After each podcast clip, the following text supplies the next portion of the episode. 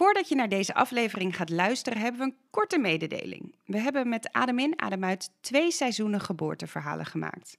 En waar Adem in, Adem uit stopt, gaat Mam Co verder met de Mam Co podcast. Boordevol geboorteverhalen en nog veel meer rondom zwangerschap, geboorte en het ouderschap. Rolien maakt ook een eigen podcast. Hoeveel ben ik waard? Waarin ze uitzoekt wat haar waarde is. Check ons op Instagram, at en at Hoeveel ben ik waard de podcast. En vind ons op je favoriete podcastplatform. Veel luisterplezier! Adem in, adem uit. Een podcast over 's werelds grootste wonder, de geboorte. Met aan tafel bedenker, vragensteller, parttime stewardess en moeder van wel drie jongens, Rolien. En met mij, Aline. Ik ben verloskundige en founder van Mam Co. De plek om je samen met je partner voor te bereiden op de geboorte. En nee, dit is geen geitenwolle sokken puffclub, maar een toffe zwangerschapscursus gegeven door verloskundigen. Sinds dit jaar ben ik moeder van Kobe. En dit vrolijke mannetje heeft van mijn vriend René een hele leuke papa gemaakt. René zit ook bij ons aan tafel. Hij is onze regisseur, middelmatige grappenmaker en hij zorgt voor de nodige structuur aan tafel. Aan de hand van bijzondere gasten vertellen we verhalen van bevruchting tot en met bevalling. En alles komt langs. De ontmoeting, de kinderwens, seks, zwangerschapskwaaltjes, die grote dag, maar ook de overgang naar het jonge ouderschap. Dit keer echt een heel bijzonder verhaal. En dat zeggen we wel vaker, maar dit keer zeggen we het omdat het verhaal een slechte afloop heeft. Al zullen onze gasten van vandaag het waarschijnlijk niet met ons eens zijn.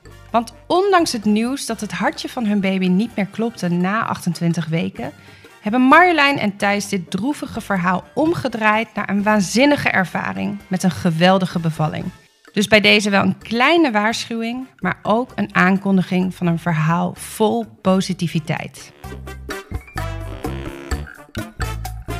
Welkom bij een nieuwe aflevering van Adem in, Adem uit. Tegenover me René, links van mij de eeuwig knappe Alientje. Oh, dankjewel liefje. Ja, echt. Ze heeft haar En dan- gedaan, hè? Ja, het is echt top. meisjeshaar. Ja, je hebt echt meisjeshaar, ja. We gaan een, sowieso een hele bijzondere avond opnemen. Lieve Lijn, zou jij je verhaal kunnen, of je mailtje kunnen voorlezen wat je ons hebt gemaild? Want het is een, wel vanavond een iets ander verhaal dan je van ons gewend bent, denk ik. Ja.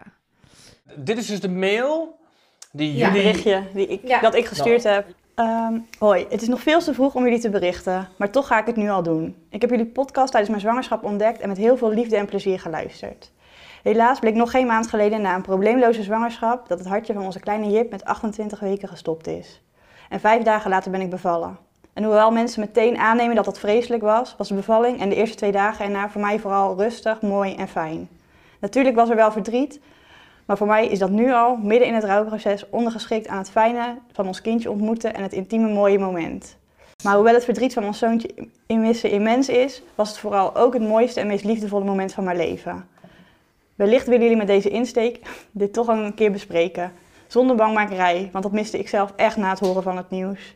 Ik probeer me voor alles te, voor te bereiden op wat komen ging. Maar alles wat ik las, lag de nadruk op verdriet en de heftigheid daarvan. Terwijl ik dat, dus, dat voor mij dus echt niet hoeft. Het is nog veel te vroeg en veel te vers, maar ik hoop dat sowieso met jullie te horen. Keep up the good work. Nou, Nou, dat kwam bij ons ook wel even binnen, dit mailtje. dat deed wel wat, ja. ja. Ja, dat snap ik. ja. Ja. Het heeft even 24 uur geduurd voordat we reageerden. Moesten we even over nadenken. Dit komt inderdaad echt recht in je hart binnen. Maar ook heel positief. Want laten we even beginnen bij het liefdesverhaal. Hoe hebben jullie elkaar ontmoet? Want je man is er ook bij. ook. ja.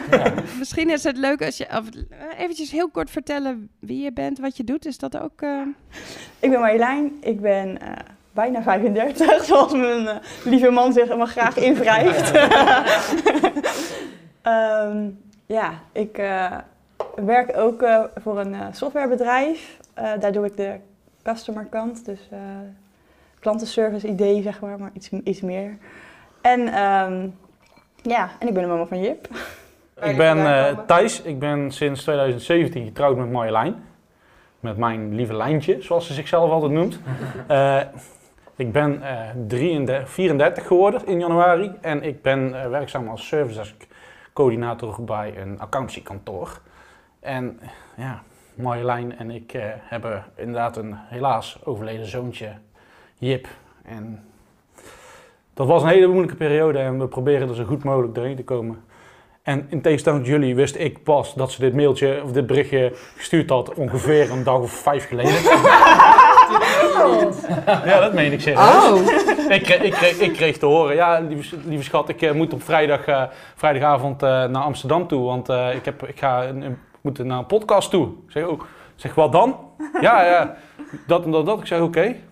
Ik had gevraagd of dat ze het erg vond als ik meeging. Of Ja. dat ze, want ik weet, ik weet dat zij bepaalde dingen op een andere manier beleeft en ervaart als dat ik dat doe. En op een andere manier brengt.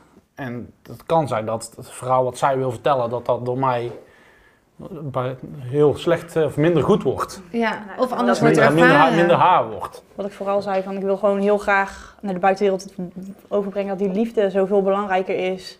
En dat dat, ja, ik was ook echt boos de eerste dag toen iemand gewoon alleen maar gecondoleerd zei. Dat ik dacht, hallo, eh, kijk even, hier ligt mijn super mooie zoon en jij gaat gecondoleerd zeggen. Hallo, ehm, er mist Ja. even iets, zeg Ja. En ja, Ja, en dus al heel lang samen. Ja, negen, negen jaar ondertussen. Zo. Hoe is die liefde opge opgebloeid? Aan de ene kant een heel grappig verhaal, aan de andere kant ook wel ja, eigenlijk een heel normaal, het is een heel cliché verhaal. We hebben elkaar leren kennen tijdens het uitgaan.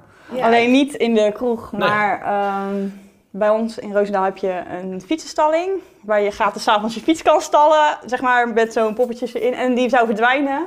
En ik was toen nog vrij actief voor een politieke partij. En ik vond als jongere dat eh, zeg maar, toch wel de gratis fietsenstalling open moest blijven.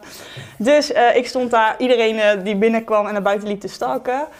Ehm, en toen, ja, toen ben ik dus wel nog het laatste uurtje, want het was de dag dat de klok wisselde, zeg maar. Toen ben ik het laatste uurtje snel nog de kroeg ingedoken, want ik dacht, ja hallo, ik ga niet heel mijn avond alleen maar staan flyeren. En toen eh, ging ik dus mijn fiets ophalen, die we alle twee normaal nooit in de fietsenstalling zetten. Nooit. Eh, en toen ehm, zei mijn vriendin eh, de gevleugelde woorden tegen Thijs: Hé, hey, jij rijdt op een meisjesfiets. en toen raakten we aan de praat. Ja, Eh. ik, kwa- ik kwam de fietsenstalling uitgelopen samen met een vriend van mij. En, die, die, en wij lopen recht tegen, er staan twee dames voor ons. En zij zegt tegen mij, hé, hey, jij fietst op een meisjesfiets. Ik zeg, ja, jij ook. Helemaal niet beseffend van, ja, wat, wat, en daarna gewoon doorgelopen. En uiteindelijk stonden, stonden wij te praten. En stond mijn eh, vriend daarnaast en die eh, had eh, flink wat gedronken. Dus die was eh, heel vervelend iedere keer bij Marjolein de bel van de fiets af aan het draaien. Dus terwijl wij aan het praten waren, heeft Marjolein zijn, zo ongeveer zijn hand blauw geslagen met een, met, een, met een slot. En voordat we het wisten was het geloof ik eh, half zes. Maar is hij dan ook een wingman? Die jongen die op zijn vingers werd geslagen? Of... Ja, nee, de wingman, eh, die, die is al bezet bijvoorbeeld. Ja, precies, maar dat was Dus die nu pusht zijn ook? vriend naar... Oh. Maar dit was meer, ik denk dat het meer een ondanks is dan een, Ja, oh ja, ja. Dan een dankzij, Ja, zeg ja, maar. Oh, precies. Ja, ja. Geen beste wingman. Nee, want ik- hij is ook niet meer in jullie leven, of nog wel? Mm, heel vaag. Want het is wel heel bijzonder. Ehm, maar die kwamen we dus in het ziekenhuis tegen toen we, nadat wij het nieuws gehad hadden. En eh, toen bleek bij hun een soort gelijke situatie aan de hand te zijn. Nee joh. Dus Ja. ehm, Wat bizar. dat is echt, ja. Dus ik heb nu met zijn vrouw wel heel veel contact. Dat is echt Oh. heel raar. Maar Nou, ja. dat is Gek, hè, inderdaad... het eh, bizar hoe het leven, kruisen, ja. ja. Ja, want eh, dus die liefde was bij die fietsenstalling. Maar daar kwam geen date uit. moet ik ook altijd aan iets heel anders Nou, denken. daar, Ja. kwam, daar, kwam, daar kwam uiteindelijk wel, no- no- wel een, date, nou, een soort van date uit. Dus wij eh, nou, over het fietspad naar haar huis toe en ergens halverwege gingen de kruis, gingen, scheiden de wegen. En eh, hadden we zoiets van, nou, we vinden elkaar toch wel heel leuk. Daar nog even staan praten. Uiteindelijk eh, kwam het dus inderdaad wel tot de kus. Oh, echt meteen die avond al, vanaf half zes? Ja, we, Ja. was ook, ja. We zijn daarna ook gewoon... Vind ik snel. ik, had, ik had hem al lang op zijn bek. ja, echt? Ja, bij die fietsenstalling. Ja, dat Ja. eigenlijk wel. Maar het was echt, ja. En we hebben ook echt gewoon, ik weet nog dat ik zeg maar echt om half acht of zo, toen zeiden we, ja, ga morgen afspreken. Ja, ga morgen afspreken. En toen zei ik, ja, maar ik moet nu echt gaan slapen. Ik moet nu echt gaan slapen, want ik moet morgen naar het theater met, mijn vriendin, met die vriendin. En ik zei, ik kan echt, als ik niet slaap, dan kan, dan kan ik gewoon niet. Dus ehm, nou, om half acht ging ik slapen zo en om half tien was ik helemaal, helemaal hyped wakker van, dat was echt zo leuk. En oh, zou die nog steeds zo leuk zijn? En hij zei, ja, wat gaan we afspreken? Maar eigenlijk had ik natuurlijk helemaal niet zoveel tijd, want ja, zondag en je ging, ik ging nog naar het theater, dus ik moest ook echt wel op tijd weer bij die vriendin zijn. Toen zei hij, oh ja, kom maar naar mij thuis, want eh, er is toch niemand thuis. De meest domme opmerking die ik had kunnen maken. Dus toen zat ik met mijn brakke hoofd, zeg maar, met het idee van, oh, ik ga niet eens, ja, niks. Eh, Er komt echt niks meer uit, maar ik wil hem wel heel graag zien, dus laten we het dan toch maar Ja. doen. En toen was het weer meteen. Nee, nee, toen was het, toen was het helemaal niks. Toen waren we want alle toen, twee toen waren we alle twee punt, punt 1 heel brak en mijn vader zat beneden op de bank. Oh ja. Dat is echt, eh, Die bleek, die, ik dacht dus dat mijn ouders alle twee weg zouden zijn. En mijn vader bleek dus gewoon, die bleek dus, zijn afspraak ging niet door. Dus die was eh, thuis. En die zat, toen zat zij dus met haar brakke hoofd eh, naast mijn vader op de bank beneden. En dat was niet echt een wingman, eh jouw Nee, vader. dat, dat is een was ook niet, kokblokker. dat, dat, dat was ook niet, was ook niet een van mijn beste momenten. Maar goed, het resultaat mag daar zijn, want jullie zitten wel hier samen aan tafel. En dit is negen jaar geleden. Negen jaar geleden inderdaad. En ging die verkering snel? Qua samenwonen en... Ja, die ging, dat ging best wel snel. We hebben eerst heel lang nog niet echt verkering gehad, maar gingen we, haar ouders gaan op dinsdagavond altijd naar de yoga toe. En dan gingen wij altijd eh, bij haar thuis wieën. En dat was in het begin was dat ook Ja, echt, vet. Kon je bowlen en zo. bolen, echt, echt wieën. En Ja, dat maar werd ook langzaamaan... bloedfanatiek tegen elkaar. Want we Ja. ehm, ook echt de meest idiote weddenschappen wie die avond zou winnen en wat er tegenover stond. En helemaal geen... Ja, Ja. ja. ik had een avond wieën verloren en eh, toen stond ik vervolgens een hele zaterdag, een hele zaterdag bij vrienden van haar in de tuin te klussen. Als Omdat- tegenkomt... Ja. Ja. oh wat goed. Omdat ik Ja. inderdaad die weddenschap verloren had. En, eh, ja. ja. Leuk. Ja. Dus, eh, dus Toen uiteindelijk was er dus dat, liefde. Toen Ja. was, er, was er inderdaad liefde. Ja. En wanneer ge- hebben jullie het gesprek gehad... wij willen wel samen ook heel graag een kindje? Ik, denk, ja, ik weet dat moment nog heel goed. Ja? Vertel. We waren eh, op vakantie in Frankrijk en toen zeiden we, ja, laten we die pil, eh, ja, zullen we... Ja, ik, ik weet dat nog heel goed. En ja, je zei na de rand van, ik weet het echt niet meer. Maar, eh, dus, eh, Je praat ook zoveel. eh, maar ik denk ook, ja, maar jij had al, als het aan jou had gelegen, was het ook al eerder geweest. Dus ik denk dat in jouw hoofd, zeg maar, dat moment al wel eerder had mogen plaatsvinden dan in mijn hoofd, zeg maar. ja, ik denk het wel. Ja. Ik weet wel echt dat we er vlak daarvoor echt een mega ruzie hadden gehad. Compleet met dat hij zei, ja, we gaan, morgen- we gaan naar huis. En eh, toen eh, duurde het heel lang voordat ik ongesteld werd. Ja. Letterlijk meer dan een jaar. Oh, dat hele ontpillen. Maar is dat Ja. Een jaar. Eh, nee, ja, ik bleek eh, PCOS te hebben. Ja, Dus eh, oh ja. toen bleek, eh, zeg maar, dan na een jaar ging ik naar de gynaecoloog. En toen werd er allemaal eh, dingen gezegd over medicatie. En eh, toen keken wij elkaar aan. Toen hadden we een soort van lichte paniek in ons hoofd, allebei. Van, eh, want ik weet ook dat ik gewoon op heel veel medicatie niet zo heel goed ga. Zeg maar, als er bijwerkingen zijn die zelden voorkomen, dan eh, kan ik vaak zeggen: Hallo, kom maar, kom maar door. Hier ben ik. Ja. Marjolein besluit met Thijs niet voor medicatie te gaan, maar gooit haar dieet rigoureus om.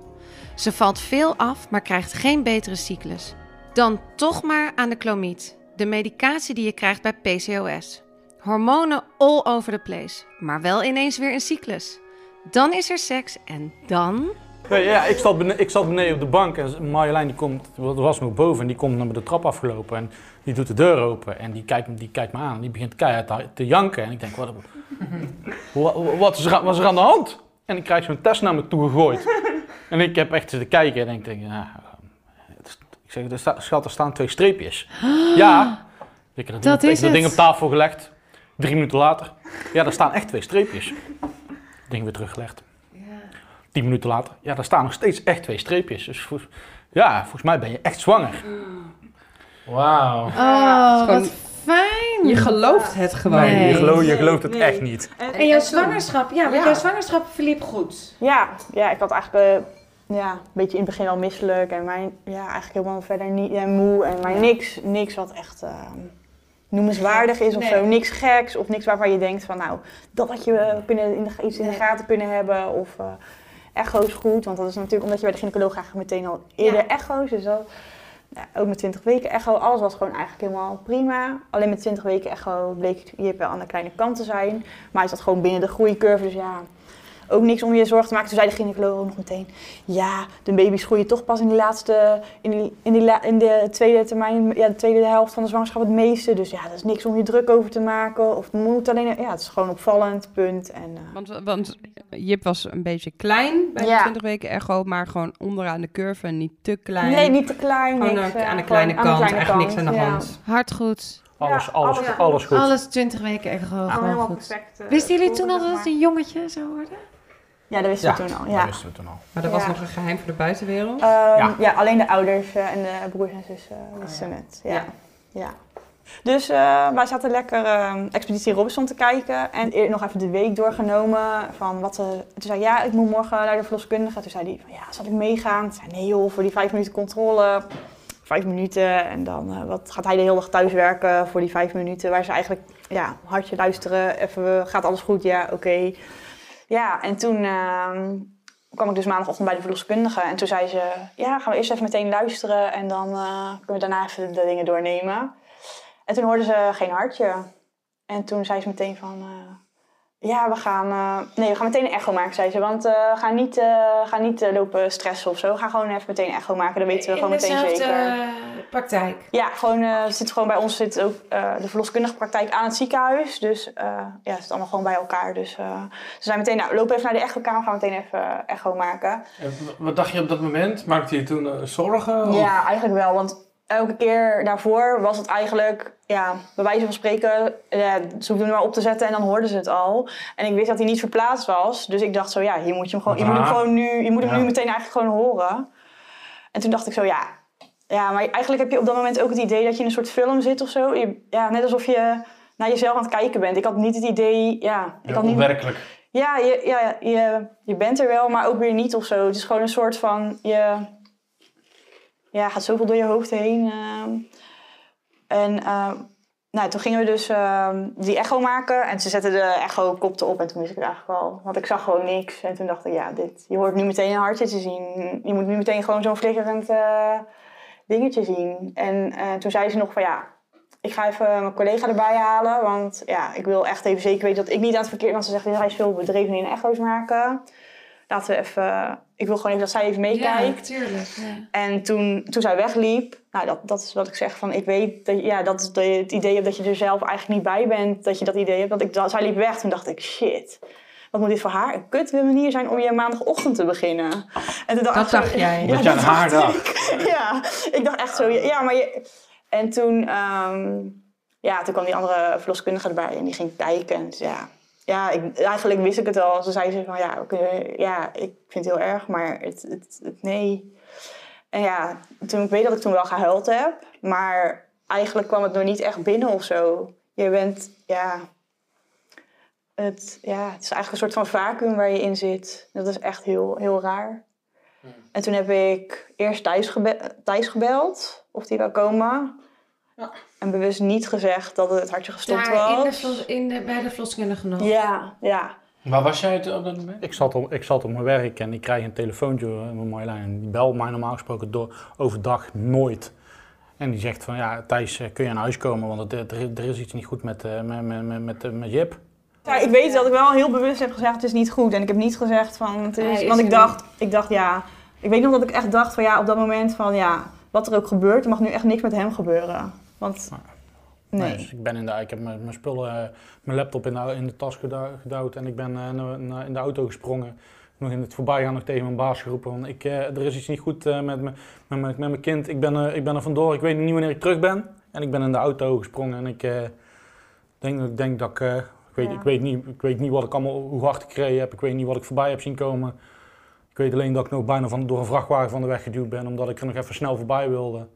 En ben eigenlijk met een noodgang naar, eh, naar Roosendaal, en naar het ziekenhuis gereden. En toen kwam de verloskundige, ik weet eigenlijk ook niet precies wat zij op dat moment aan het doen was. Ze heeft mijn tas gepakt en ze is naar de gynaecoloog nog gelopen en zo. En ik weet dat zij ja, allemaal vragen in zichzelf van wat. Want zij kon het natuurlijk ook niet bevatten dat het, ja, ze zei ook van ja, het was zo'n normale zwangerschap. Wat, de, ja, ben je ziek geweest, weet je dit? Ik weet dat ze echt 300 dingen heeft opgenoemd van ja, maar is dit dan, of dit dan, of dit dan? En ik dacht alleen maar, ik weet het niet. Ik, ik, ik weet het gewoon niet. Je had er geen idee eigenlijk. eh, Nee, want op dat moment. echt helemaal geen idee. Want alles, ja, wat ik zeg, alles was gewoon goed gegaan. Dus je hebt ook niet het idee van, zeker, ik weet ook nog echt dat ik zei, dat we echt op zaterdag of zo, en toen we die 28 weken grens gepasseerd waren, dat we echt zoiets hadden van, nou, als er nu iets gebeurt, dan, is er, dan kunnen ze in ieder geval iets. Dat we dat zeiden Ja. van, nou, dan, ja, dan, dan, ja, dan zijn er in ieder geval kansen, zeg Ja. maar. Dat, dat gevoel had ik echt heel Ja. erg van, oh ja, dat is echt een heel fijn punt. Want dat is in Nederland, hè? Met 28 weken of 26? 24. Oh, met Ja. 24 weken gaan Maar ze... 24 Til- wil je liever natuurlijk niet. Nee, nooit. Maar Nee. 28 Ben wil je ook liever Maar- nooit. Nee. Maar... Nee, maar ze zeggen dan, tussen wat ik begrepen heb, altijd van 28 weken is de overlevingskans gewoon groter Ja. dan Zeker. elk moment Ja. daarvoor, zeg ja, maar. ja, absoluut. Dus we hadden echt zoiets van, nou, we hebben in ieder geval die termijn Ja. gehaald, yes. Ehm,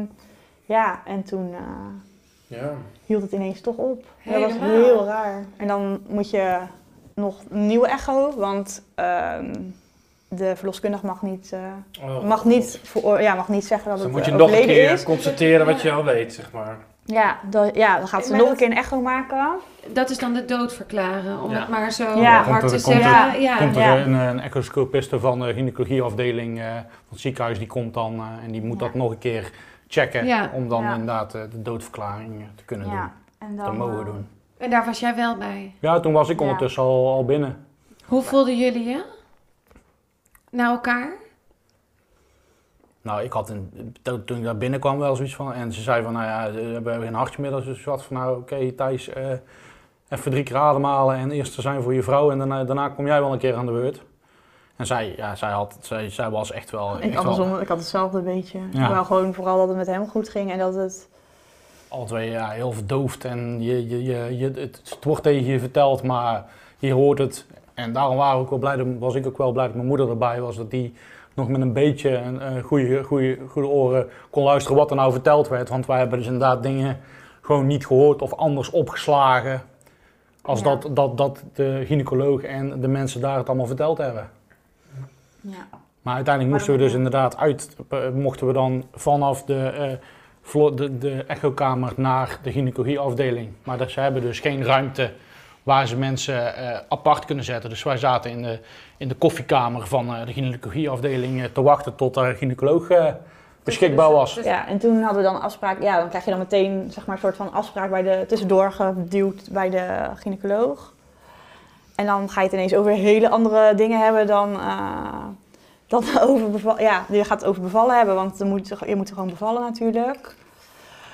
En En daar ben je natuurlijk, he- eh, was, je, was je nog helemaal niet mee bezig. Je was Nee. niet bezig met je geboorteplan natuurlijk. Nee, nee, dus... Ehm, moet dat allemaal. Ja, en dan moet je over na gaan denken of je wil dat ze ehm, obductie gaan doen. Dus of ze weefsel gaan afnemen bij je baby. eh, of je een vruchtwaterpunctie wil. eh, of je...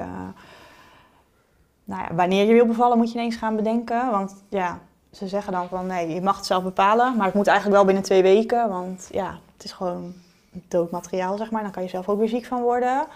Vond je het, hoe voelde het voor jou dat jij, dat, dat jij Jip in je buik had? Ja, voor ons voelde juist die dagen daarna heel erg als dat hij er nog was. Zeg maar dat je, we zijn ook nog samen naar het strand geweest. Zeg maar dat je nog een keertje met z'n drieën weg geweest bent. Zeg maar dat je dat gevoel hebt van nog één keer. Ja, weet je, dit is het enige uitstapje dat je nog kan maken. Dat is Maar heel hij cool is om er te dan zeggen. toch ook nog gewoon? Ja, ja, dat is toch gewoon... Ja, maar dat voelt dan ook echt zo. spirit en Ja, maar gewoon... dat, ja, maar dat, is, dat voelt dus ook echt Ja. zo. Ja, en, zeker. ja, ja, dat is heel, heel raar. heel raar, want aan de ene kant ben je, heel, ja, ben je blij dat je die extra tijd hebt. En je kan ook over dingen nadenken. Want als je natuurlijk meteen gaat bevallen en het gaat niet goed, dan heb je die tijd in die zin niet. Dan, dan moet je meteen schakelen. En wij hadden dus nog even... Ja, we hebben dan... Dus maandag hebben we dat gehoord. Toen hebben we gekozen voor de vruchtwaterpunctie. Omdat je dus al overleden was, was de kans dat er sowieso met obductie iets gevonden was. Daar hebben ze levend weefsel voor nodig. Is dan minder groot. Dus toen hebben we gekozen van, nou, dan laten we een vruchtwaterpunctie doen. De volgende dag. Dan gaan ze met een, met een... Kan jij dat uitleggen, wat het is, Aline? Ik ben een beetje in het verhaal, merk Sorry, ik wil het wel uitleggen, maar ik... ehm, Zal ik het vertellen? Ja, Nou, ehm, wat ze doen met een vruchtwaterpunctie is dat ze met een naald in je, ja, in je buik prikken, zeg maar, in de vruchtwater afnemen. En dat wordt onderzocht. Eh gaat één met zijn oren dicht Oh, zitten, ja. want die kan niet zo goed tegen naalden. Nee. En, ik dacht ehm, tegen niezen. Het gaat heel diep dus in je buik. Ja, ja. en dan eh, wordt er vruchtwater afgenomen en daarin hopen ze dan levende cellen te vinden. Waarmee ze hopen onder andere de oorzaak te kunnen vinden. Ja. Ja. Ja, Nou, ik snap wel dat je dat Ja, dat is eigenlijk wat je... wil alle- weten, het- toch? Ja, Uiteindelijk. ja, we hadden wel alle twee meteen zoiets van... Ja, we hoeven eigenlijk niet per se te weten waaraan Jip is overleden. We willen vooral heel graag weten hoe groot de kans op herhaling is. Dat, dat zeg maar... En Thijs heeft echt altijd gezegd... Ja, het maakt me eigenlijk helemaal niet uit wat de oorzaak is. Want ja, hoe hard gezegd ook, dood is dood. Heel... En Ja. ja, er je verandert er niks meer mee, zeg maar, dat je het weet. Eh, maar ik had, wel, ik had wel zoiets van, nou, ik zou het wel, als het, als het kunnen vinden, ben ik heel blij. Want ik had ook ondertussen wel gegoogeld dat dat ook niet zo heel, dat het ook niet vanzelfsprekend is dat ze het kunnen Ja. vinden. Want ja, ze moeten maar net genoeg levend weefsel vinden dus om eh, te kunnen bepalen. En dan, eh, ja, dus ik heb die vruchtwaterpunctie hebben we het op dinsdag laten doen. En toen hebben we dinsdag gehoord dat mijn ouders op woensdagavond zouden landen. En toen hebben we geloof ik woensdag Dus woensdag gebeld. belt met de verloskunde, met, de, ja, met het moeder-kindcentrum moesten we dan zelf bellen om een afspraak te maken. Wanneer ze plek hadden. Maar daar zorgen ze dan voor dat ze dan wel. Ja. eh, en toen hebben we gekozen om vrijdag dan eh, eh, ja, te gaan bevallen. Omdat we dan eh, hadden we nog even de tijd. En eh, ehm, toen we bij de gynaecoloog zaten, begon zij meteen over ja, pijnbestrijding. En eh, dan eh, dit en dat. En ik had echt alleen maar zoiets van. Ja, maar ik, heb altijd, ik wil altijd alles zo natuurlijk mogelijk doen. En nu moet ik al in een ziekenhuis bevallen, wat mijn grootste nachtmerrie is. En dan, zeg maar, een soort van dikke paniek eh, zat daar meteen al bij. Dus ik had ook zoiets van, ja, ik moet me daar ook echt wel even mentaal even op voorbereiden... dat het zo anders wordt dan dat ik bedacht had. Want je mag absoluut niet thuis bevallen. Nee. Nee, Nee. want eh, bij zo'n vroeggeboorte is de kans gewoon groter dat de placenta blijft zitten. Oh ja, ook. En eh, ja, dan gaan ze natuurlijk niet riskeren dat jij eh, thuis ligt. En ja, Ja. het moet sowieso opgewekt worden. Ja, het is, natuurlijke proces is een beetje al een Ja. soort van... Er is, een, een, daar is het een beetje fout in gegaan. Of tenminste, daar, ja, er is een je moet- storing. Ja, en, en ja, je lijf gaat niet zomaar ehm, ja, die, die weeën op gang brengen zomaar. Omdat ja, dat, dat, dat kan wel, kan gebeuren, maar dat is gewoon maar een hele kleine kans. Dus je moet sowieso ingeleid worden. Eh, bijna iedereen moet ingeleid Was worden. jouw moeder hierbij? Nee, mijn ouders zijn eigenlijk, we zijn wel naar, ehm daar wel gekomen zeg maar. Maar mijn ouders zijn eigenlijk in het ziekenhuis, eh, waren, was er, hebben we gekozen bewust ook wel om dat met z'n tweeën te doen. Dus eh, mijn ouders en mijn broertje en Thijs' ouders zijn wel op bezoek geweest op die dag. Want ehm, ze doen dan niet inleiden met een infuus, maar met een pilletje wat ze inbrengen. Is dat, is dat, dat zijn diezelfde pilletjes dat als je ingeleid wordt? Ja, ja. Op, bij een inleiding wordt vaker een ballonkatheter gebruikt. Ja, Maar- ik heb ook wel eens pilletjes inderdaad gehoord. ja, dat kan ja, dus. Ja. misoprostol. Dat zijn pilletjes die stop je in de baarmoeder of in de vagina achter de baarmoedermond. Dan wordt de baarmoedermond week. Me- Voelde jij je fysiek ook meteen wel dingen gebeuren? Met die medicatie, ja. Ja, ja. Toen, eh, ja, ze zei, je moet zeggen als het pijn gaat doen. maar ik was, eh, door die medicatie met die clomid heb ik hele zware, wat ik heel zware menstruaties gehad. Dus ik zei echt zo na een paar uur van, ja, ik voel wel iets, maar dit is een beetje, ja, dit is een beetje zoals mijn tweede dag ongesteldheid. Niet, eh, En toen zei zij ook echt zo van, eh, maar dus daardoor waren hun ook wel van, ja, het kan nog wel lang duren. En toen kwamen zij om, ehm, ja, ik weet niet, een uur of acht uur of zo, zei zij van, ja, als het nog lang duurt, dan eh, moet je toch wel medicatie dat je vannacht kan slapen. En ik dacht echt alleen maar, ja, eh, de- ja, dit, als, dit, ja als dit het is, eh, ja, nou ja, we zien het wel. Ik dacht, ik dacht dus eigenlijk dat het nog niet eens echt begonnen was. Ik dacht, ja, Ja. ik heb wel gewoon, ja, een beetje kramp, ja, een beetje kramp. En toen, ehm, ja, maar toen Wat was, bleek ze het dus gewoon al in gang. eh. Ja, wat gaan ze dan toucheren? Nee, ook? nee, dat doen ze dus ze niet. laten je voor de rest helemaal met rust. Want, Dus, maar, waar, maar wanneer komen ze dan binnen om... ja, gewoon regelmatig controleren, gewoon regelmatig checken of je, dus, hoe het gaat dus jij ligt je. wel om even... eh, Jij ligt in die... In een ziekenhuisbed het bed. gewoon, ja. Maar ze komen wel heel vaak bij je vagina kijken van hoe ver... bij- Dat nee, niet. helemaal niet bij je Nee. vraag. Nee, maar hoe weten ze dan... nou, dat weten ze dus niet. Ik heb best wel veel van deze bevallingen begeleid in, in- toen ik in het ziekenhuis werkte. En eigenlijk wacht je gewoon. Je, je wacht gewoon totdat er iets gebeurt. En meestal gebeurt het ineens. Voel je het ineens en dan Alsof je zijn moet we plassen er. En, en, dan... nee, dan Nee, krijg je ja, ineens of- pijn en Oh, zo, persgevoel. En, eh, ja, ik denk dat ik wel, want, zeg maar, het uur daarvoor of zo, dat ik zeg maar wel, eh, ik had echt eh, nog een super eh, fijn van onze, van, ik was begonnen aan een bevalcursus en eh, Thijs heeft die lerares gebeld op de dinsdag of zo, omdat ik dus zo bang was voor die ziekenhuisbevalling. En toen heb ik gevraagd van ja, kan je, zou je nog een één op één sessie even willen doen, zeg maar. Heel goed. Dus eh, zij heeft zeg maar eh, echt wel, ehm, eh, ja, ik denk ons wat setje gegeven om eh, het even goed te Hebben jullie dat zelf geïnitieerd? Dat vind ik heel goed, echt. Hij zei, zij was, al- dat is een cursus van drie avonden en ze had maar één avond tot nu toe gedaan. Ja. En ze zei van ja, ik wil eigenlijk nog wel een keer eh, dat, ze, dat ze langskomt. Dat ze, dat ze, Ja, ik wil gewoon echt ontspannen. zo Ik wil gewoon, belangrijk. ja. die legde, zij legde het echt op een manier uit en, en Maar Heel- jij, Thijs, jij hebt haar gebeld en gezegd, dit is de ik, situatie. eh, dit, dit, dit en dit is er aan de hand. Eh Marjolein zou het heel fijn vinden als jij nog, eh, nog, nog een keer langs zou komen. En zij zegt van ja, ze zei echt gelijk van nou, Meteen. roep, roep, roep maar wanneer en ik gooi, ik, gooi- ik gooi mijn agenda leeg. Eh, ik, breng, ik breng, mijn kinderen, breng mijn kinderen naar mijn moeder en ik eh, kom eraan als Ja. nodig Ja. is. Ja, Echt shout-out naar al die verloskundigen en al die zwangerschapcoaches en doula's hoor. Ik, nou ja, zo belangrijk dat, dat je hier gesteund in voelen. Ja, en eh, dus ja, we, gingen ook, we hebben ook echt 's ochtends onze intenties gesteld op die vrijdag van oké, wat gaan we doen vandaag? En eh, nummer één was, we gaan onze mooie zoon ontmoeten. En ik denk dat dat wel echt ons ook door die hele dag heen eh, gesleept heeft, om het zo te zeggen. Want Die, die Wij instelling, zeg maar. ja, dat je gewoon denkt van ja, hallo, ik ga gewoon ja, mijn- mijn kind ontmoeten. Waar ik al die tijd op heb zitten wachten. Wat ik al, waar ik al die tijd naar uitgekeken heb. En ehm, dus heel die dag waren we echt super relaxed en super, helemaal niet verdrietig. Helemaal, helemaal niet, ja. Ik denk wel, de laatste uur merkte ik wel dat het wel, zeg maar, die, ja, Dat het iets ging doen. Dus heb je Dat inderdaad wel aangegeven dat, dat, je, dat, dat, het, dat het ja. minder prettig begon te voelen. Ja, toen voelde ik ook echt dat het zeg maar wel, ja, wel regelmatiger en heftiger werd. Ja, ik had de hele tijd een beetje zo, zo gevoel dat ik naar de wc moest. En toen zei ik van, eh, ik zei van, maar omdat zij dus, omdat die verpleegkundige dus had gezegd, ja, het kan nog wel even duren, we gaan je zo meteen wel slaapmedicatie geven, dacht ik, nou, dit is het nog niet hoor, dit is het echt nog niet. Ja. Dus ik dacht, nou, ik ga nog gewoon even naar de wc. Nou, Thijs zei dat dat even dus niet zo even is geweest. Dat heeft, wel, dat heeft wel even geduurd inderdaad. En toen kwam ik eh, terug uit de badkamer en toen kon ik me nog net vastgrijpen aan het aanrechtblad. Zo van, eh, ik voel me niet zo lekker. En ik denk, oh jee, daar gaan we. En die loopt om het bed heen en die wil eigenlijk terug in bed gaan liggen. En een meter voor het bed valt ze flauw. En die gaat dus zo voor, voorover eh, het bed, het, tegen, te- op de kussens van, op het matras van het bed. En ik had, ik had er net op tijd te pakken, dus ik heb de noodknop gedrukt. Toen kwam de verpleegkundige, die heeft ook nog een keer op die noodknop gedrukt. Toen kwamen er uit alle hoeken en gaten in één keer eh, verplegend personeel gesprint. Die hebben Marjolein op de grond gelegd. Met koude washandjes en alles. En eh, Schrikken zeg. ja, dat was wel, was wel even schrikken. En ja, op een gegeven moment kwam, de, kwam dan de verloskundige van dienst en die zei... Nou Marjolein, we gaan je even terug in bed tillen. En Marjolein die, die, die, die doet haar ogen open en die zegt... Nee, laat me, laat me hier maar liggen, is lekker.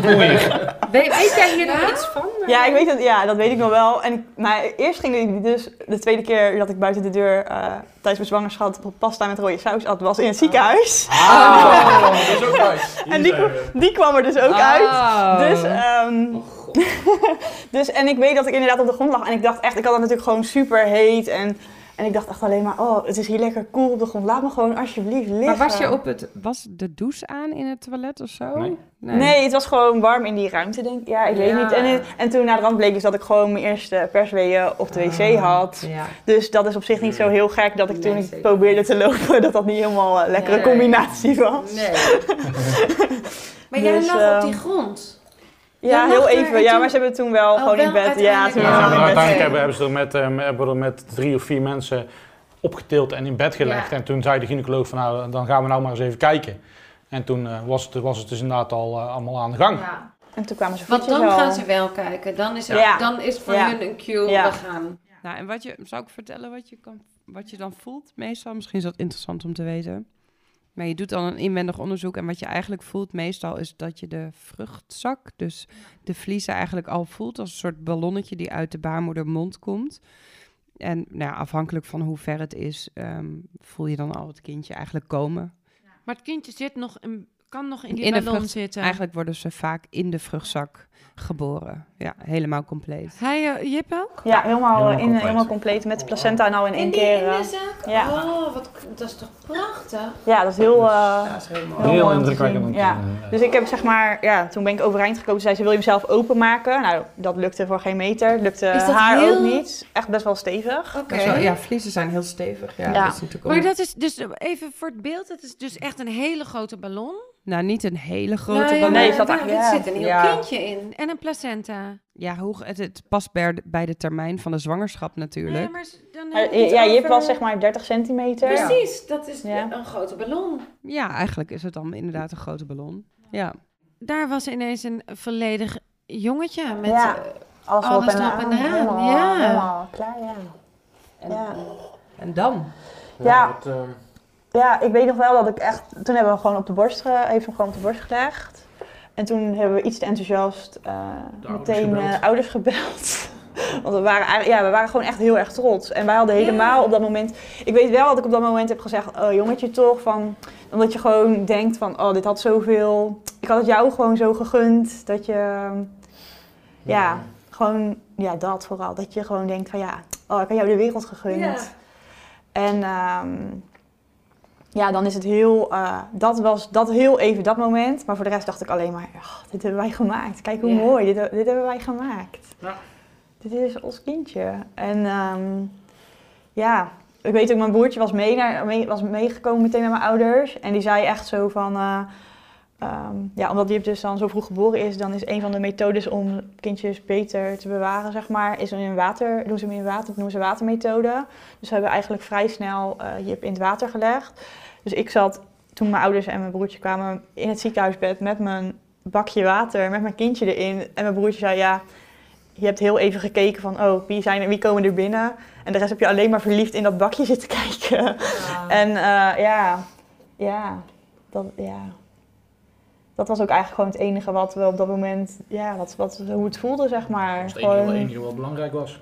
ja, ons kindje, ja. Ja, ik heb op dat moment ook, ja, nee, dat moment helemaal eigenlijk geen verdriet gehad of zo. Hoe, hoe ja, als ik dat terugdenk, denk ik dat is echt misschien best raar voor vreemden, voor, voor anderen. Maar ik kan me ja. voorstellen dat veel mensen zullen denken dat dit het moment is dat je heel veel verdriet voelt. Ja, ik denk dat voor ons dat moment, Je voelt, wel, je voelt wel verdriet, maar je bent niet verdrietig. Ja. Want de, de, het geluk van, of bij ons in ieder geval, het geluk van dat je kindje geboren is en dat, dat overheerste, trotsheid. dat, de trotsheid overheerste gewoon. En En ja, Je bent papa en mama geworden. Ja. ja, van Jip. Maar hoe, hoe, hebben jullie dan daarvoor verdriet gehad, zeg maar, tussen ja, die eerste nieuws- week was echt, die, zeg maar, die maandag tot en met, eh, die maandag tot en met vrijdag zelf, die waren wel echt heel pittig. Ik denk, ik heb ook gewoon, ja, geen nacht echt fatsoenlijk geslapen. Of ik heb echt, en, en echt dat we ook gewoon, nou, ik denk dus zeker die maandag hebben we echt de hele dag gehuild. Echt gewoon met z'n tweeën dat we echt gewoon ook op de bank zaten en dat we elkaar echt zo aankijken van, hoe kan dit? En, en elke keer, maar het zijn ook allemaal, we hebben de hele tijd gezegd van, ja, alles is stapje voor stapje. En ik denk dat dat voor ons heel goed hielp, omdat je daardoor niet al over de volgende stap nadenkt, maar wel weet van oké, ja, we gaan nu dit aan en dan... Het ziekenhuis is een soort veilige bubbel of zo dan. Tenminste, zo voelde dat voor ons heel erg. Ik vond zeg maar, op het moment dat je het ziekenhuis uitgaat met je kindje ja, in een bakje in plaats van in een maxi-cozy of een iets anders. Ja, dat, dat is zeg maar zo'n moment dat je denkt, ja, ja, dat is zo'n moment. Ja, el- en elke keer wat daarna komt, is elke keer een stapje dichter bij een afscheid. En dat zijn de, vond ik, veel moeilijkere momenten dan de geboorte zelf, zeg maar. Ja. Nou, waarom ik het ook vroeg, wa- was je dan ervoor of daarna? Maar eh, ik merk heel erg in dit verhaal dat ergens bij jullie de knop is omgegaan richting de bevalling. Als in, oké, we zijn verdrietig, maar eh, we zijn ook blij en trots. Ja. En nu gaat de bevalling komen. We hebben, we hebben Hoe- gewoon wanneer- vanaf, vanaf moment één dan? afgesproken van we willen, ondanks dat het een hele vervelende situatie is, willen we wel de mooiste ervaring van maken wat, wat kan. Dus wij zijn er altijd, altijd positief proberen te blijven en altijd, we hadden het geluk dat we eigenlijk elkaar iedere keer, als de ene in een dip zat, dan had de andere net weer een goed moment. Dus we konden elkaar redelijk er doorheen trekken. Maar waarom wou je dat die bevalling zo goed was? Is dat... Ja, ik had zoiets. Dat is een van de weinige dingen die ik zeg maar Waar je nu nog waar je, nog controle in, op waar hebt. je nog controle op hebt. En ook een van de weinige dingen, ja, zeg maar, die je jezelf en je kindje een soort van cadeau kan doen. Dat, je, dat, je, dat dat een mooie ervaring is. Dat het Ja. heel fijn is om op terug te kijken. En Ja. dan, ja, dan is misschien de uitkomst echt super kut. Maar dat, dat, hebben jullie wel echt samen gedaan. Ja. Ook met hem. Hij Ja. had dat niet zonder jullie en jij had dat niet Nee. zonder hem. Dat was Nee. jullie. Ja, dat, dat is echt onze manier om, er, om het gewoon, ja... En, en hoe kan het dan dat je daartoe in staat was? Hoe, hoe krijg je dat voor elkaar? Want ergens was het ook heel menselijk geweest als je alleen maar fucking Ja. pissig was Oh. geweest. En Oh, verongelijkt en boos. En, eh, Waarom? Nou, ja. Dat. Ik denk dat we op punt 1 zitten, zitten wij zo niet in elkaar. Wij, wij zijn, we zijn alle twee heel positief eh, ingesteld en proberen van, alle, van elke vervelende situatie eh, het beste te maken en er, er toch nog de mooie dingetjes uit te kunnen halen. En dat, En ik denk ook echt wel dat inderdaad, eh, ja, die, eh die uh, keuringslijst echt me door echt maar die, die mentaal nog even die, dat, die schop onder mijn kont heeft gegeven van hallo, jij wil het zo. Je gaat je nu echt niet laten ompraten omdat het de situatie veranderd is. Je kan, en zij heeft ook echt zo tegen ons gezegd van eh, ja, elke emotie mag er zijn en ga hem nou echt niet zitten wegduwen. Ja, dat, daar ben ik haar ook echt super dankbaar voor. Want door haar dacht ik ook echt, ja, fuck it, dit is onze bevalling. Ja. Eh, wat, wat nou dat jullie, dat jullie bedenken hoe het moet? Ik mag gewoon zelf bepalen. zij heeft heel duidelijk gezegd van jij bent, in, jij bent in controle. Jij bepaalt wat er gebeurt. Er gebeurt niks zonder dat jij het, niet, zonder dat jij het wil. En, eh, Dus als jij, als jij geen medicatie wil, dan krijg je geen medicatie. En toen werd ik er inderdaad wel heel hard Ja. op aangesproken. Werd Thijs, eh, als zij geen medicatie wil, Ga dan, dan, ga, dan, dan, dan, ga, je- Ja. dan ga jij ervoor en Ja, ze wil gaan dat proberen. Zij kan het zelf niet meer zeggen. Dan ga jij je mond Ja. open trekken. Dus daar was dat plan ineens met z'n tweeën. Daar was dat team wat heel erg nodig was, ja. Hoe voelt dat nu? Ja, we zijn gewoon altijd een team. Dus dat, dat is nu alleen maar super fijn. Dat het, ja. Ik denk ook, je hoort dan van mensen dat het of heel goed kan gaan of heel slecht. Nou ja, ik, ja, ik weet gewoon zeker dat ik met iemand anders dit niet had gekund op deze manier. Want ja, als ik een kutdag heb, zeg ik gewoon, dan kan ik het gewoon, ja, altijd ook. Maakt niet uit dat je niet hetzelfde gevoel hebt. Dan weet ik gewoon dat ik tegen Thijs zeg, ik heb een kutdag, dat dat gewoon oké is. En dan, als ik er niet over wil praten, is het goed. Maar als ik er wel over wil praten, is het ook goed. Wat dat betreft hebben we gewoon alle twee onze Als je mee ja. kan pesten, is het helemaal goed. Dat vooral. ja. Dat mag Ja. ook. Dus Ja, kennelijk. Ja. Ja. en dat hebben we denk ik ook. Ja, we hebben ook wel echt meteen ook beseft van ja, je moet ook gewoon blijven lachen. En je moet ook gewoon gek blijven doen. Dus de woensdag tussen de geboorte van Jip en het nieuws hebben wij echt bij mijn broer, met mijn broertje echt hele flauwe, saaie grappen zitten maken. Maar ons helemaal echt, nou, helemaal gewoon dubbel gelegen van het lachen. En toen dacht ik, ja, maar dit, ja, dit is het ook gewoon. Ja. Dit, dit, ja, dit hoort ook gewoon erbij. Dat je gewoon even de stoom eraf kan. En dat het niet alleen maar zwaar en niet alleen maar... En denk Ja, je wel, knap, wel, wel eens van, want ik heb echt, ik voel me echt zo'n fucking nerd dat ik wel eens denk, ik maak me soms om de kleinste dingen zorgen. Natuurlijk. Ja, dat, dat, nee, wij dat- toch ook? Maar hoe, ik vind het jullie zijn echt een inspiratie. In de zin van jullie zijn zo helder, jullie zijn zo duidelijk. Jullie hebben zo je wensen nagestreefd. Ja, ik denk dat dat is dat, je het best, dat we elkaar wel echt het beste in elkaar naar boven halen in die zin. Dat je inderdaad ook gewoon weet dat je gewoon tegen de ander alles kan zeggen. En dat er altijd, dat er nooit gezegd wordt door de ander van het is niet zo gek. Of eh, wat is dit nou? Of, eh, want ik, ik bedoel, ik heb me ook over kleine dingen druk gemaakt. Ik heb me bijvoorbeeld de donderdag nog eh, druk gemaakt omdat iemand tegen me zei... Ja, als je kan moet je niet eh, zo'n eh, navelklem erop laten zetten hoor. Want met zo'n klein baby, dat ziet er echt heel naar uit. Dat is zo groot op zo'n klein babytje. Als je kan moet je nog ergens kijken of je nog zo'n navelkoord vandaan kan halen. Moet je dat ook nog gaan regelen? En dan ga je Echt? googlen. En dan ga je is. Oh ja, het is gewoon zo'n Een klein... soort van siliconen bandje. Oh ja, het is echt dat- super goed om Ja. te doen. Maar ga niet de dag voordat je gaat bevallen dit nog moeten regelen. Want Nou, überhaupt in Roosendaal zo'n ding vinden in een winkel is niet, eh, nee, niet een haalbare in Amsterdam kun je die ook bijna nergens vinden. Dus ehm, toen heb ik nog mijn vriendinnetje geappt van, want haar schoonzusje is verloskundige in het moederkindcentrum. Hebben ze die in het moederkindcentrum? Maar naderhand denk ik dus, oh, wat de fuck maak je Ja, druk over op zo'n ja. moment? En toen heb ik dus wel echt, en Thijs zei op een gegeven moment, Alijn, doe even normaal. Lekker boeiend als er zo'n klem op zit. Ja. En Heb je een goede ervaring aan het, aan het ziekenhuis? ja, echt, eh, ja, ik denk, eh, ja, nee, kan niet beter. Nee? Nee, ik, eh, mijn eh, angst voor ziekenhuisbevallingen is bij deze meteen helemaal... eh, nee, het, iedereen was echt zo lief en zo... Gaat het wel goed? Eh, hoe, eh, wat kan ik voor je doen? En ook gewoon echt de tijd voor je nemen en zo. Terwijl, ja, ik had dan wel een paar keer zoiets van... Ja, hallo, eh, ik, zie, ik zie dat je pieper afgaat. Ik, eh, er is helemaal niks bij mij. Ga nou gewoon eh, iemand helpen die wel... eh, maar dan, nee, nee, nee. eh, Ja, er, ja, zat, er zat een verloskundige, dat- die had een telefoon in de jaszak zitten en dat ding begint te rinkelen. En Marjolein zegt van, ja, maar moet je hem niet opnemen? Nee, nee, nee, ik ben niet met jou bezig, mijn collega doet het maar. Ja, zie je. Maar daarom ook een shout-out naar dat. dat Ja, het, het is gewoon waar je je veilig voelt, toch? Ja. Ja. In, in de reguliere bevallingen, in dit soort situaties, het is gewoon wa- waar je je veilig voelt, waar het goed is, waar, waar het oké is, Daar daar, kan je- ga je bevallen. Ja.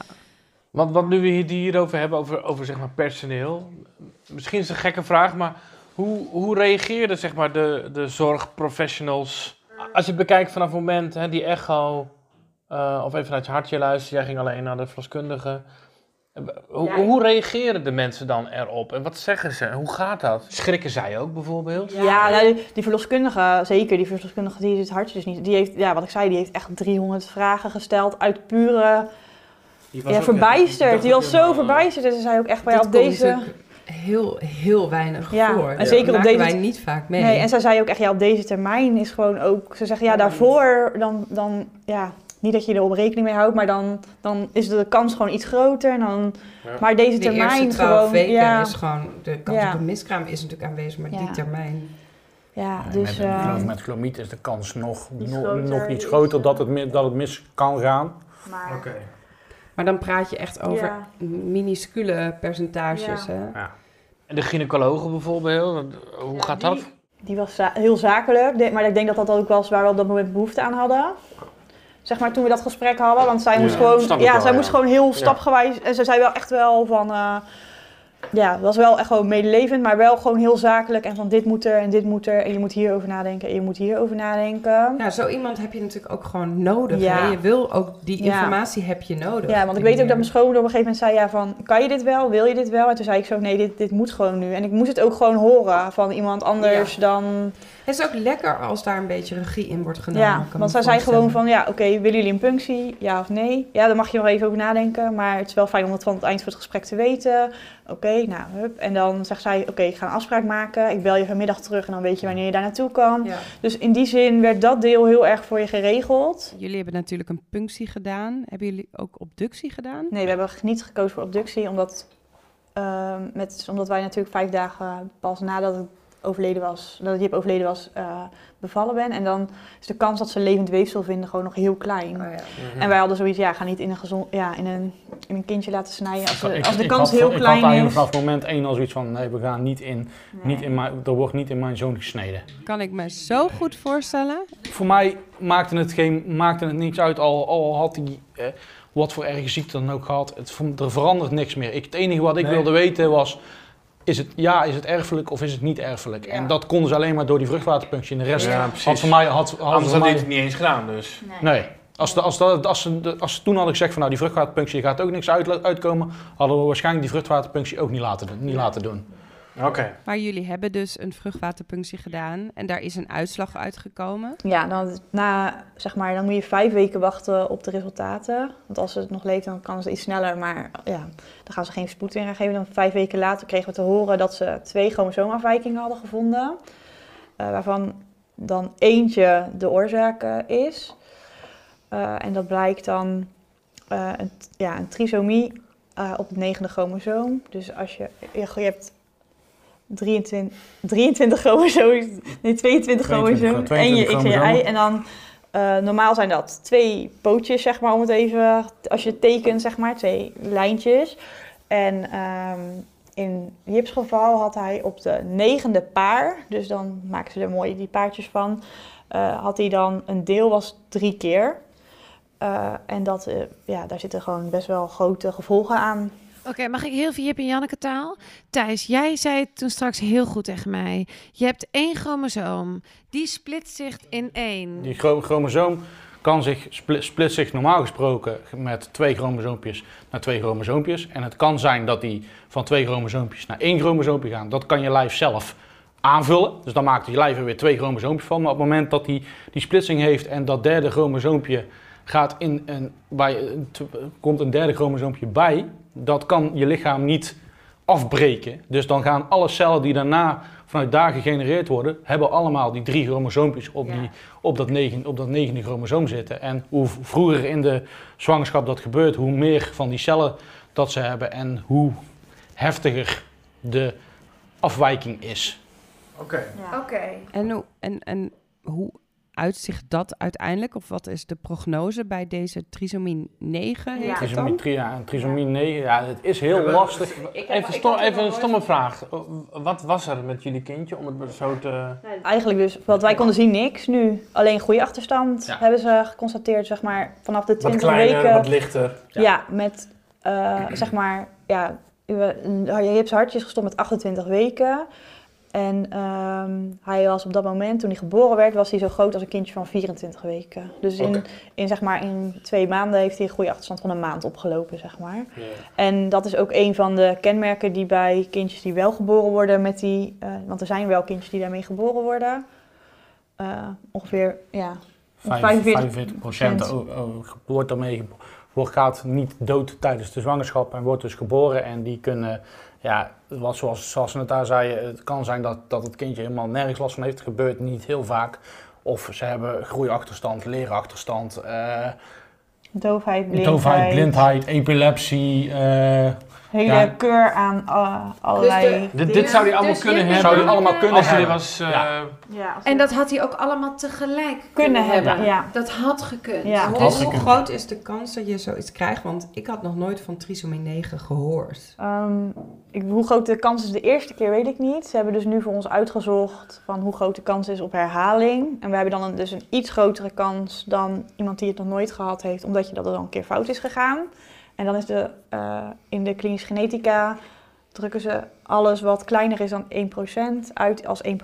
En dat is dus voor ons is nu de kans op herhaling 1%. Ja, Dat is toch steeds... super klein. Ja, het is iets heel, heel, en wij hebben, de, wij hebben dus al een verhoogd risico. Ja, Ja, ja. van die 1%. Van, die- dus zeg maar, ja, we weten de exacte cijfers niet, maar een normaal mens heeft zeg maar 0,25% kans en wij 0,75 bij wijze van spreken. Ja. Ik weet de exacte Ja. cijfers niet, maar En hoe gaan ze jullie dan nu in de gaten houden? Of eh, is daar dan nu...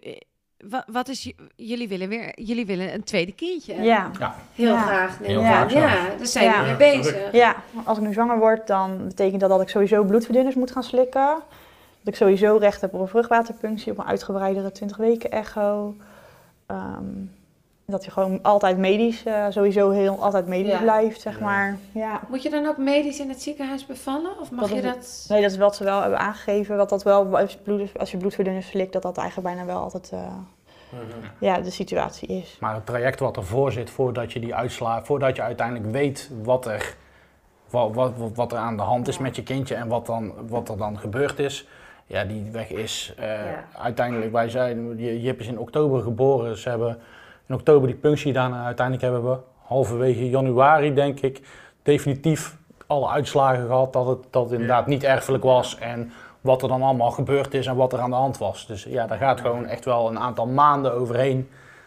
Wat een intense periode, hè? Ik heb nog één, eh, één technische vraag hierover, als het mag. Ja, ja. Natuurlijk. Gewoon om het een beetje, ja, toch een beetje te definiëren of zo, hoe gek dat ook is. Maar dus, dus eigenlijk die chromosomale afwijking heeft er ook voor gezorgd, ergens in het, eh, ja, Ontwikkelingsproces in het instinct of- zo, dat het hartje dan stopt, omdat het eigenlijk zegt, dit gaat niet goed werken of... Ze hebben ook gevoeld dat een van de dingen die ze gevonden hebben die daarbij horen, is dus dat de placenta ook kleiner was. Sowieso kleiner dan eh, normaal voor dit termijn. Ze hebben daar stolsels in gevonden wat ze daaraan linken. En ze hebben eh, het aantal wendingen in de navelstreng klopte niet, zeg maar met een, ja, een normaal eh, kindje. Dus, dus daar, daar, zit gewoon, ja, daar zit het gewoon waarschijnlijk in dat daardoor gewoon niet goed genoeg... Die afwijking zorgt voor een, een, een veelvoud aan afwijking, waardoor Ja, het eigenlijk voor niet... een aantal, de Ja. aantal dingen die ze Ja. daaraan kunnen linken, maar ze nooit 100% kunnen zeggen van nou, dat, heeft daar ook daadwerkelijk mee te maken. Ze zeggen van nou ja, het, het komt uit ervaring voordat inderdaad een, een kindje met afwijking chromosoom 9, dat die eh, een groeiachterstand heeft en dat daar de placenta eh, min- minder goed van ontwikkeld is, de navelstreng minder goed ontwikkeld is. Omdat we dat bij kinderen die die afwijking hebben eh, va- vaker zien. Maar ze kunnen het niet van tevoren voorspellen. Nee, ja, ze kunnen niet zeggen van nou, het is, ja, hij heeft een hartstilstand gehad daarom. Of dat zo, op die manier kunnen ze niks zeggen. Nee, Het is altijd, nee. ja, het blijft altijd een soort van eh, gok. Ja. Mag ik dan nog weten hoe jullie je spiritueel voelen naar Jip? Oh ja, dat vind ik heel lastig. Daar ben ik echt heel erg zelf mee eh, aan het worstelen, zeg maar. Want ik ben vanuit huis, ben ik zeg maar katholiek opgevoed. In die zin heb ik altijd wel het idee van, ja, er is iets meer of zo. Maar ik ben ook wel, ja, natuurlijk ben ik ook wel echt heel boos geweest. Dus ik heb ook echt zoiets van, ja, als er iets is... Wat voor iets bedenkt zoiets? Wat voor cruel Ja. iets bedenkt zulke dingen in het leven? Dat, dat dit soort foutjes kunnen bestaan. Dus ik heb wel... ehm, ik heb ook wel moeite mee als mensen zeggen van... Ja, mijn kindje is hierboven of zo. Dan denk ik, ja, dat weten we helemaal niet. Dus dat vind ik echt heel moeilijk. Ehm er is zo'n eh, rouwdeskundige, die heet Manu Kiers en die zegt van... ehm, Heb je die ingeschakeld zelf? nee, of die heb heeft gewoon je- dingen van gelezen. Ja. En die zegt van, eh, als iemand overlijdt, eh, dan gaat hij weg om in je hart te wonen. En ik denk dat dat, zeg maar, zo voelt het voor mij, zeg maar. Dat het, ja, niet als een soort van wolkje of een... Weet je, we hebben dan wel heel mooi symbolisch een ster gekregen en die vernoemd is naar Jip. Dus, eh, Een echte ster, hè? Een echte ster. in de Ster in de- hemel. ja, in de, Ja. ja, Ja, met... echt te gek. en je kan dus lekker met een app op je telefoon kijken waar die op dit moment staat. en, eh, want hij zit in zijn eigen sterrenbeeld, dus ehm, in weegschaal. En dus betekent dus dat hij op dit moment niet zichtbaar is hier. Maar dat betekent dus wel dat je in de winter ook gewoon kan kijken van... oh, hij zou zeg maar zo schuin dwars Ja. door de aarde heen staan. Ja, het is een oktoberkindje natuurlijk. Ja. Herfst, winterkindje. Ja. Dus ehm, ja, dus dat, in die zin, die stersymboliek zit er wel in. Maar niet in de zin dat ik geloof dat hij daarboven is. Maar Nee. gewoon altijd in ons hart. Ja. Dat denk ik het, ehm, ja. Hij is waarschijnlijk, hebben jullie hem geregistreerd? Of dat, dat gaat Ja. tegenwoordig ook zo Ja. sinds dit Ja. jaar? We hebben hem Ja. zelfs inderdaad geregistreerd. Krijgt hij dan echt een, eh, eh, eh, hoe heet dat? Een B... Een, B ja, Ja, basis- basis- basisregistratie. BP, nee. Nee, BZ? BZ-nummer krijgt hij niet. Nee? Nee. Maar je wordt wel na 16 weken wordt je geregistreerd als Maar dat is nog maar sinds, een jaar, hè? Ja, dat is nog... een- Dat is Ja, dat is pas heel, recent. ja. Ja. ja, dat is wel mooi om misschien te delen, want er zullen meer mensen zijn die dit meemaken. Ik bedoel, jullie zijn niet de enige op de wereld, alleen er wordt niet zo heel veel over gepraat. Dus daarom ben ik heel blij dat jullie hier Ja, zijn, dat ook. jullie jullie verhaal willen delen. En ik wil eigenlijk gewoon nog heel graag weten hoe het nu met jullie gaat. Ja. Het ene, het, ene, het ene moment wat beter dan het andere moment. Laat ik het zo, Ja. laat ik het zo uitdrukken. Ja.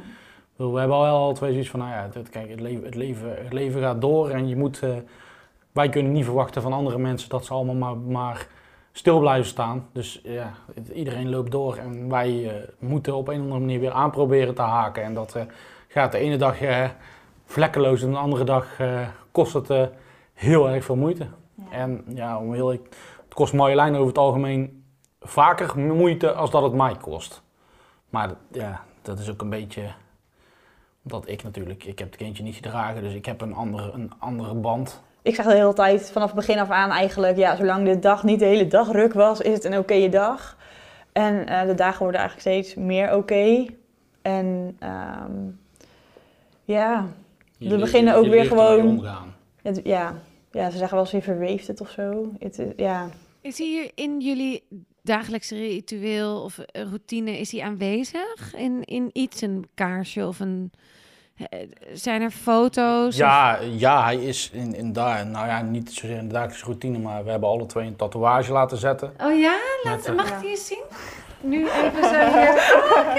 Oh, wauw. Van een campertje. Oké, Ja. deze gaat zo op de foto. Een Volkswagen busje. Sterren, en je hebt zijn Oh. sterrenbeeld. Dat is een sterrenbeeld inderdaad. Ja. En waarom een camper? Eh, een, een Volkswagen, Een Volkswagen busje, busje. Sorry, ja. De, eh, omdat Jipse, waar Jipse kamer eh, ook al overal eh, Volkswagen. Oh, wat Dus eh, gordijnen met Volkswagen busjes, een, een nachtlampje met Volkswagen busjes. Eh Marjolein, de moeder, die is een urn aan het maken, soort aan het beeld houden en dat wordt een Volkswagen busje. Dus Gewoon dat, zijn, zijn Ja, symbool. ja, het is gewoon zijn symbool inderdaad. Ja. Wat wil je nog weten? ik ben, heel benieuwd hoe Ja, deze vragen nu gaan uitpakken. Eh, die, eh, nou ja, we, we stellen altijd een aantal afsluitende vragen bij jullie hebben die podcast ook geluisterd. Ja, dat is een beetje, toch een beetje gek om dan zo te stellen. Nee, dat maar is toch nog steeds... als ja. jullie, als jullie eh, geef allebei een antwoord. Maar als jullie kijken naar de zwangerschap en de bevalling, wat vinden jullie dan het mooiste moment? De bevalling zelf. Het moment dat, dat ik mijn, mijn zoon van ja, geboren worden naar Marjolein op de, op de borst eh, zag en zoiets had en haar zo zag kijken naar dat kleine mannetje wat daar lag. Ook al ja, leefde het niet meer, was het toch gewoon ja, het meest gelukzalige moment wat, je, wat ik ooit meegemaakt heb. Ja, dus dat is het mooiste, ja. En voor jou? De, nee, ik denk dat we zeg maar de dag daarna, toen ehm, eh, hadden we afdrukjes gemaakt van eh Jip's handjes en zijn voetjes. En toen eh, hadden we hem dus even uit het water gehaald en dan kan je dus even knuffelen. En toen liep Thijs zeg maar met die, ja, met Jip in, de, in, zijn in het doek zeg maar door de kamer heen. En toen, da- nou, toen, eh, toen dacht ik van, bij wijze van spreken dacht ik van, eh, zullen we er meteen nog één maken? Want, eh, ja, en ik denk dat dat sowieso, dat we dat echt, we zeiden, dat ook echt twee dagen later uitgesproken van ja, als je, van ja, je weet nu zo zeker dat, nu weet ik het echt nog 100% zeker dat ik dit gewoon met jou wil. Dat, ja. Ja, ik word echt een beetje verliefd van Ja. jullie.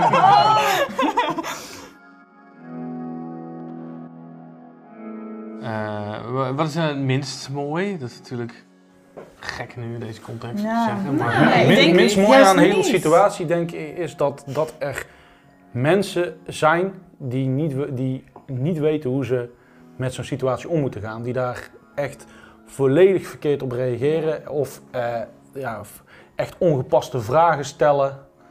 Of Eh, mensen die dingen komen brengen in plaats van, nee, die Ja. dingen komen halen in plaats van brengen. Dat ze net doen alsof ze heel erg meeleven en je, zeg maar, een soort van steun komen bedruigen, doen, zeggen ze dan. Denken ze denk ik zelf ook echt. Het is niet, zeg maar, naar die mensen gericht, maar dat ze eigenlijk alleen maar komen, een goed gevoel komen halen, zeg maar. en dingen voor je, dingen voor je En invullen. dat is heel, heel lastig. Ik ben er, ben er voor die persoon.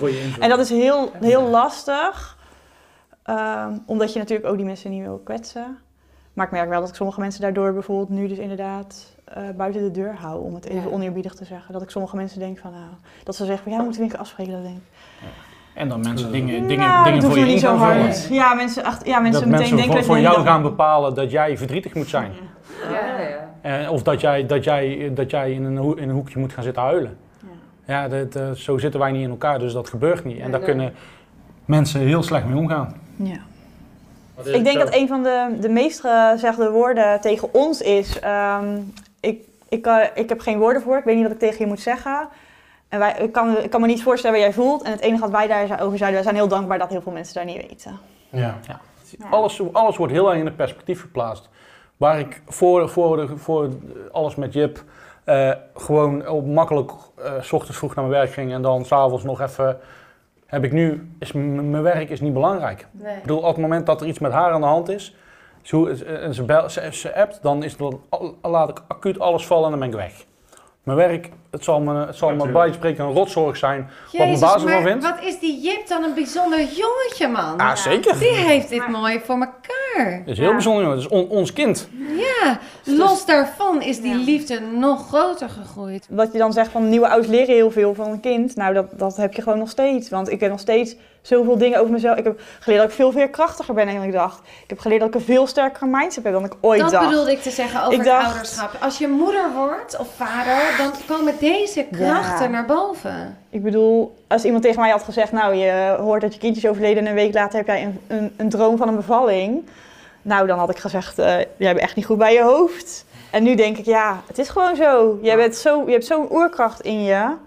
En dat, ja, Maar dat, is, dat is de kracht van het positief zijn. Wat, wat, wat we toch wel altijd, eh, altijd hebben gehad en nu nog steeds. ja. Ik bedoel, het, ja, het is een vervelende situatie en het is ja, ronduit kut af en toe. En Ja. je, je, je, het is, ja, maar het is wat het is. En je kunt er heel negatief en je kunt de hele dagen in een hoekje gaan zitten huilen. Maar daar wordt niemand beter van. Daar word ik niet beter van, daar wordt zij niet beter van.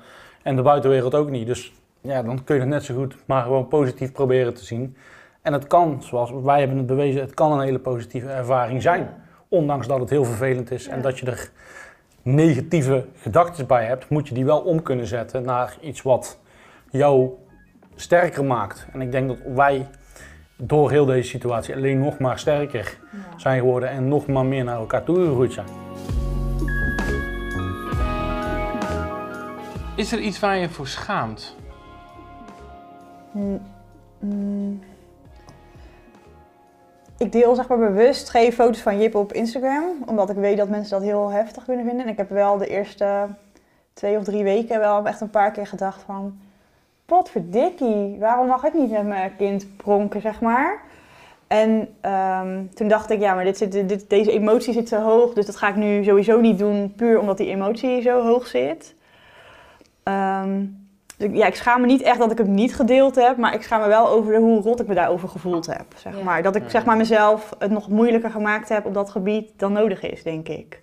Heb, jij- heb jij nog een antwoord op die vraag of zal ik naar de, de Nee, laatste? ik, ben, vraag? ik, heb, ik, schaam me, ik schaam me nergens Oh, voor. heel goed. Nee?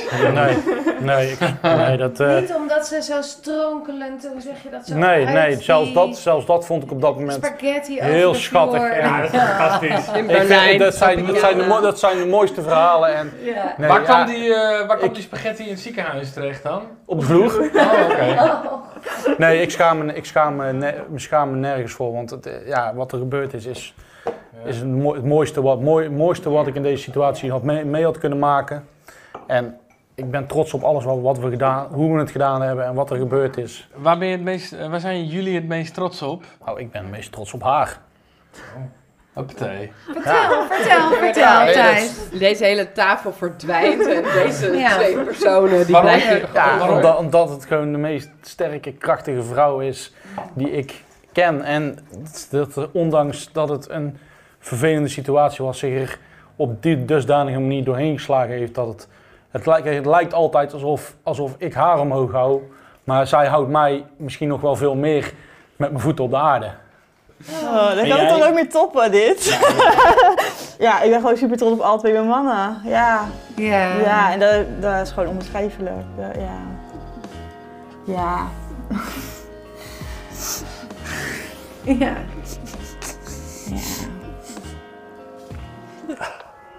Zo.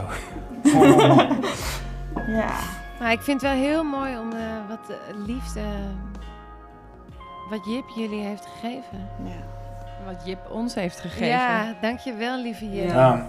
Ja, Bedankt voor jullie verhaal. Ja, bedankt. heel mooi. Graag gedaan. Zullen we nu maar gewoon bier drinken? Wijn En plassen en alles. Oh, bier. Leuk dat je weer luisterde naar een aflevering van Adem in, Adem uit. We hopen dat je het net zo inspirerend vond als wij. Je kan onze podcast delen via Spotify en iTunes. En we zijn ook te vinden op Instagram. Het Adem in, Adem uit.